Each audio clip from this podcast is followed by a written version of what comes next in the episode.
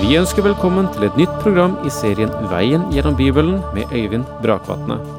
Denne studieserien er produsert av P7 Kristen Riksradio og bygger på serien Through the Bible av Vernon McGee. I dag fortsetter vi med profeten Nahum.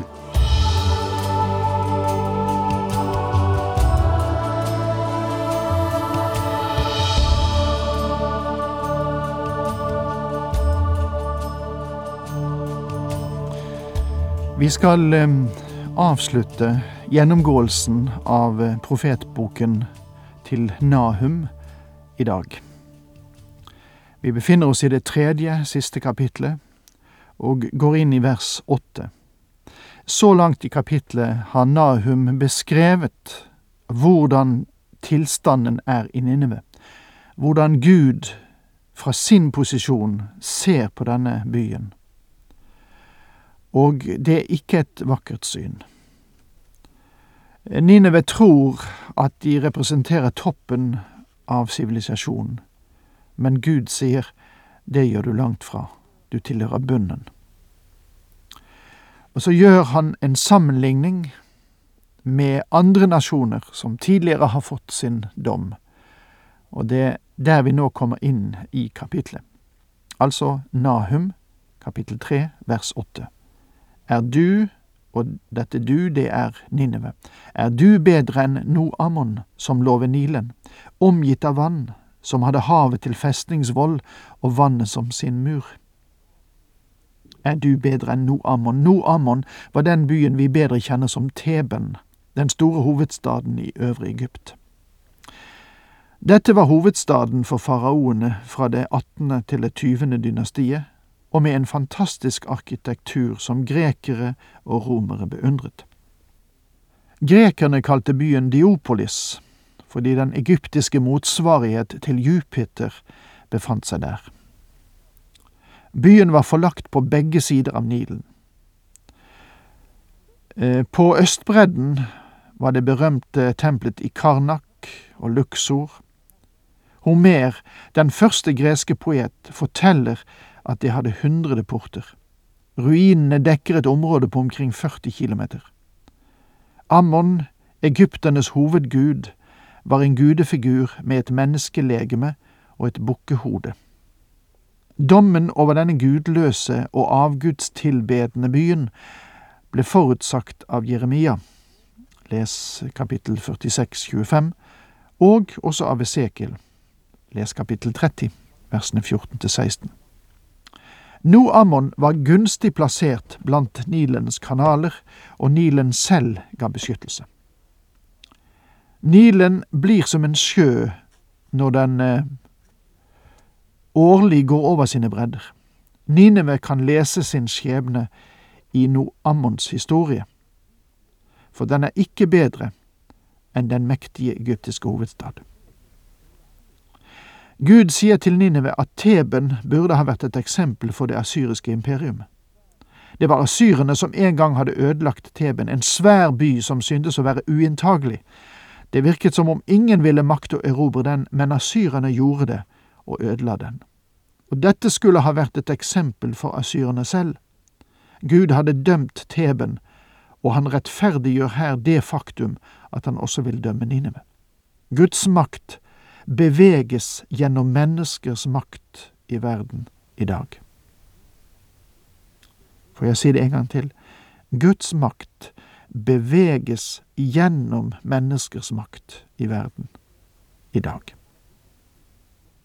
Er du bedre enn Noammon som lå ved Nilen, omgitt av vann? Teben var bygget slik at flomperioden ikke ville trenge inn i byen i hele tatt. Isteden var det slik at vannet ga en naturlig beskyttelse for byen. Byen fikk sin veldige styrke fra Nubia og Egypt. Put og Libya kom den til hjelp. Dette var Tebens allierte og lå i rimelig nærhet. Teben, som en gang var hovedstad i det egyptiske imperium, hadde den forståelse at den aldri kunne inntas og falle fordi det var en stor ørken på begge sider. Nilelven ga beskyttelse, og de hadde allierte både i nord og i syd. Hvordan kunne noen makte å angripe dem? Men asyrerne gjorde det, og asyrerne på sin side følte at de var uinntagelige i sin samtid. Og i dag kjenner vi kanskje noe av denne overlegenheten at vi, sammen med våre allierte, skal makte hva det skal være. Mine venner, når Guds tid kommer, da kan ingen beskytte oss. Vårt beste forsvar i dag dreier seg i første rekke ikke om militære våpen. Vårt beste forsvar ville ha vært å vende tilbake til Gud og anerkjenne Hans makt over oss. Vårt beste forsvar i dag ville være å ha ledere, menn og kvinner, med en absolutt moralsk integritet, selv om de ikke er bekjennende kristne, om de bare ville håndheve den mektige moralske grunnvoll som finnes i Guds ord. Det var det som en gang bygget vårt folk. Selv om ikke alle av nasjonens fedre var troende, hadde de en dyp respekt for Guds ord og det etiske nettverk som Bibelen gir anvisning om. Når vi forakter og motarbeider dette verk, som vi delvis gjør i dag, kan ikke Gud velsigne oss som et folk. Han løfter ikke sin arm opp over oss og velsigner på hvilke som helst premisser. Folket der ble likevel bortført og måtte gå i fangenskap, selv deres småbarn ble knust på alle gatehjørnene, om adelsmenn ble det kastet lodd, og alle stormenn ble lagt i lenker. Det var det Asyria hadde gjort mot Teben, og nå må de drikke sin egen medisin.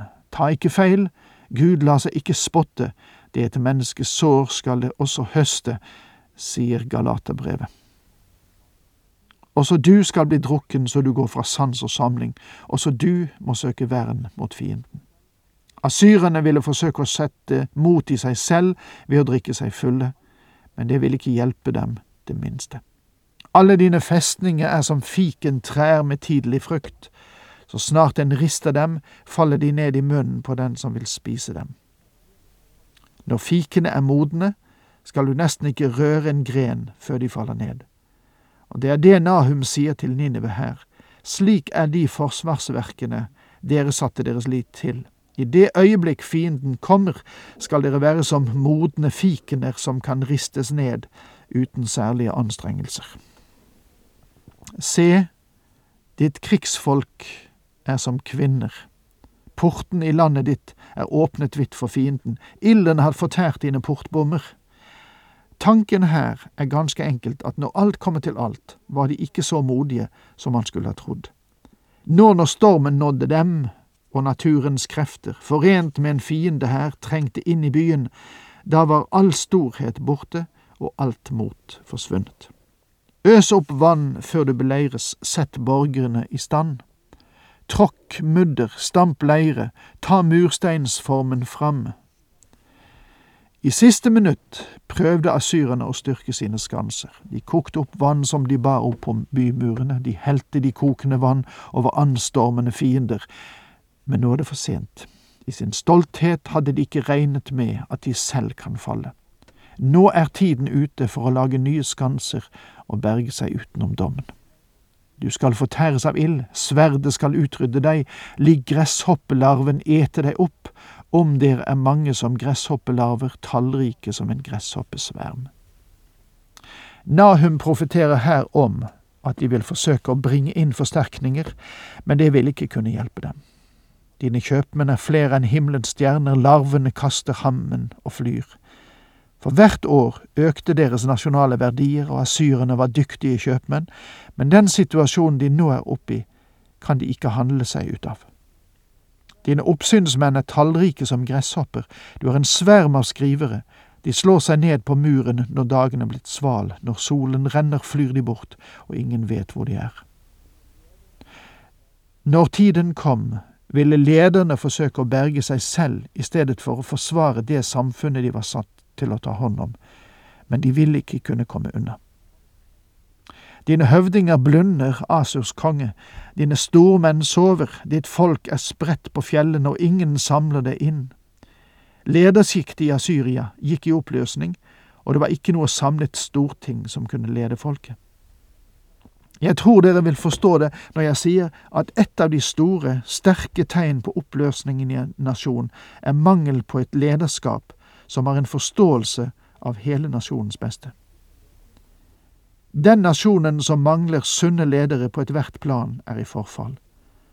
Og det bekymringsfulle er at når ledere velges ut, er det andre ting enn sunne lederegenskaper som teller mest. Gud sier at mangel på et lojalt lederskap, sammen med andre ting som han nevner, er det som knekket Asyria. Det Gud har sagt i dette kapitlet angående Syria, begynner å passe vårt folk også som en hanske. En hanske passet Asyria, og det som ble sagt om dem, er fullbyrdet. Den andre hanske kan passe på vår vestlige sivilisasjon. Men lytter vi til hva Gud har å si i dag, da? Nei, det er få eller ingen som taler som om de hørte etter hva Gud hadde å si. Lytt nå til Guds avslutningsord til Nineve. Han sier det med en tone av endelig oppgjør, som tung tids tale. Og disse ordene får det nesten til å gå kaldt nedover ryggraden.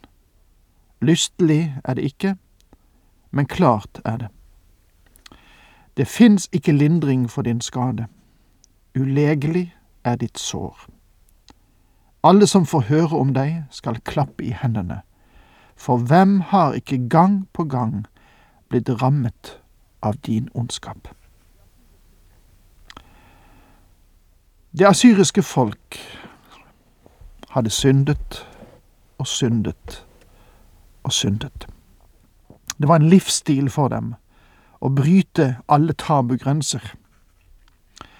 Og når mennesker vil peke finger mot Gud og si at han har feil, at Gud tillater det onde og ikke gjør noe med det onde, da svarer Gud, jeg gjør noe med det. Og hele Nahums bok er egentlig skildring av at Gud gjør noe med det onde. Mine venner, dere kan se dere omkring i verden i dag, og all den urettferdighet som fins, men Gud gjør noe med det. Gud, Gud er rettferdig og handler rett. Han var kjærlighetens Gud selv da han ødela Ninive og sopte folket bort fra historiens arena. Kartet måtte gjøres om etter denne dom, og Gud tok fullt ansvar for at de ble dømt. De hadde sin tid, men de brukte den ikke. Hvem kan klandre Gud for det? Det er rart å se på denne nasjonen hvis du trekker linjen mellom Jonaboken og Nahums bok. Her opplever du et folk som fant sin vekkelse, vendte seg til Gud og opplevet en stor tid. Og så vender de seg fra Gud igjen, vender ryggen til ham, og så raser det utfor. Og i løpet av hundrede år er de kommet til stupet. Spørsmålet er, mine venner, hva lærer vi som en nasjon av det? Og med det må jeg si takk for nå. Herren med deg.